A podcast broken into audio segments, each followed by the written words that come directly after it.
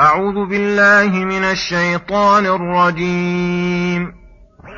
ولوطا إذ قال لقومه أتأتون الفاحشة وأنتم تبصرون؟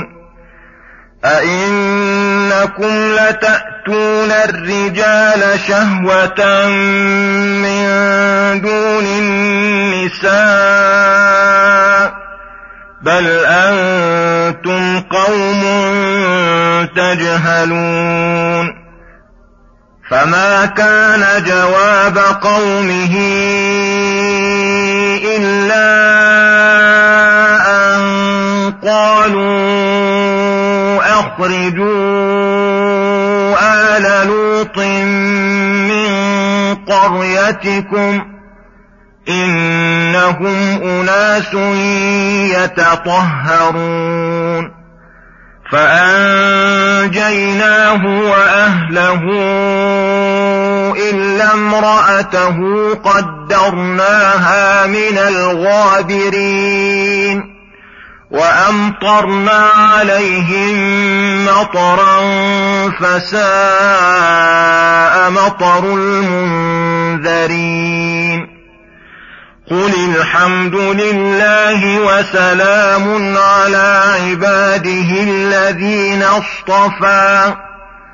آه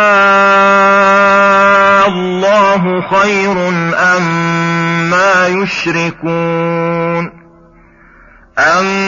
أَمَّنْ خَلَقَ السَّمَاوَاتِ وَالْأَرْضَ وَأَنزَلَ لَكُم مِّنَ السَّمَاءِ مَاءً فَأَنبَتْنَا بِهِ حَدَائِقَ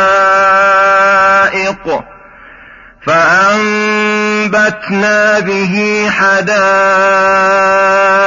ذات بهجة ما كان لكم أن تنبتوا شجرها.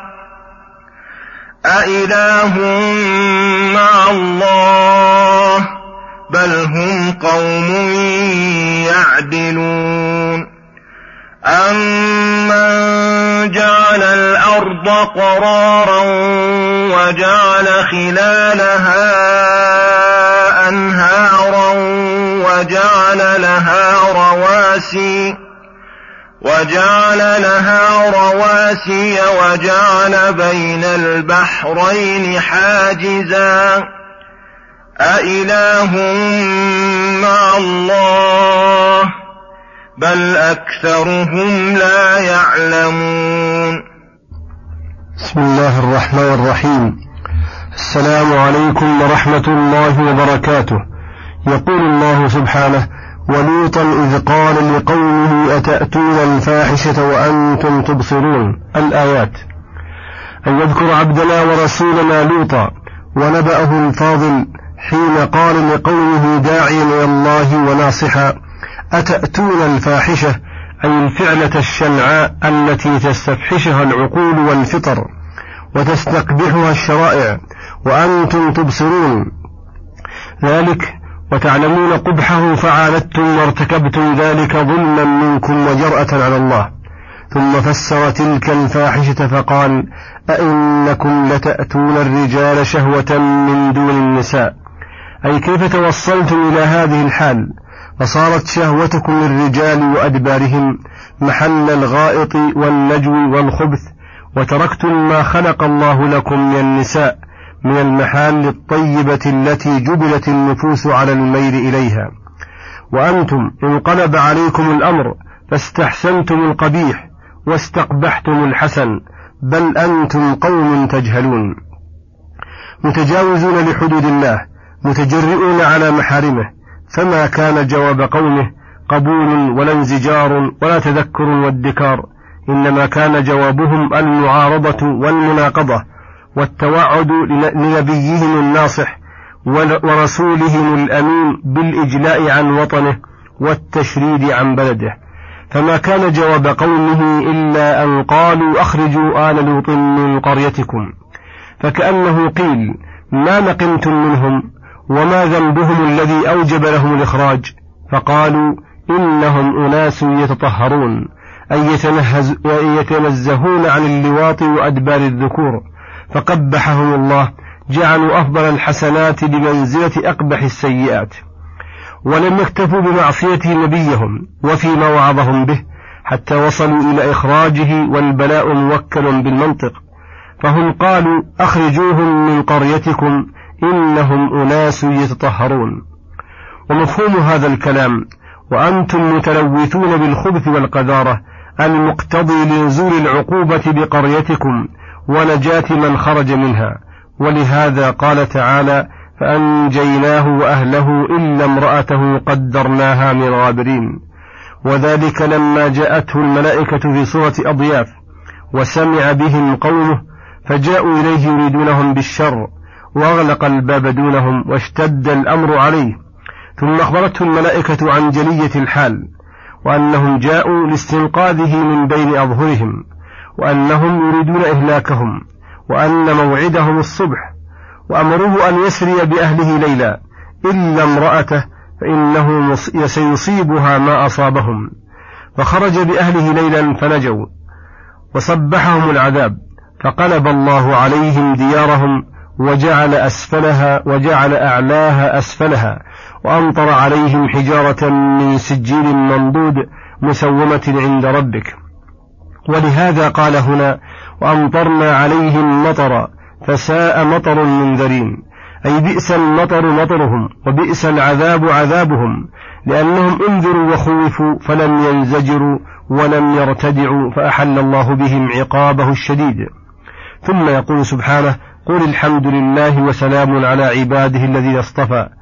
أي قل الحمد لله الذي يستحق كمال الحمد والمدح والثناء لكمال أوصافه وجميل معروفه وهباته وعدله وحكمته في عقوبته المكذبين وتعذيب الظالمين وسلام أيضا على عباده الذين تخيرهم واصطفاهم على العالمين من الأنبياء والمرسلين وصفوة الله رب العالمين. وذلك لرفع ذكرهم وتنويها بقدرهم وسلامتهم من الشر والأجناس وسلامة ما قالوه في ربهم من النقائص والعيوب. آه الله خير أما ما يشركون. وهذا استفهام قد تقرر وعرف. أي الله الرب العظيم كامل الأوصاف عظيم الألطاف خير أم الأصنام والأوثان التي عبدوها معه. وهي ناقصة من كل وجه لا تنفع ولا تضر. ولا تملك لأنفسها ولا لعابديها مثقال ذرة من الخير. فالله خير مما يشركون.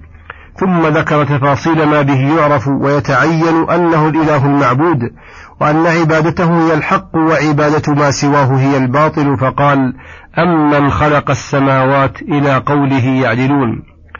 أي أمن خلق السماوات وما فيها من الشمس والقمر والنجوم والملائكة والأرض وما فيها من جبال وبحار وأنهار وأشجار وغير ذلك وأنزل لكم أي لأجلكم من السماء ماء فأنبتنا به حدائق أي بساتين ذات بهجة أي حسن منظر من كثرة أشجارها وتنوعها وحسن ثمارها.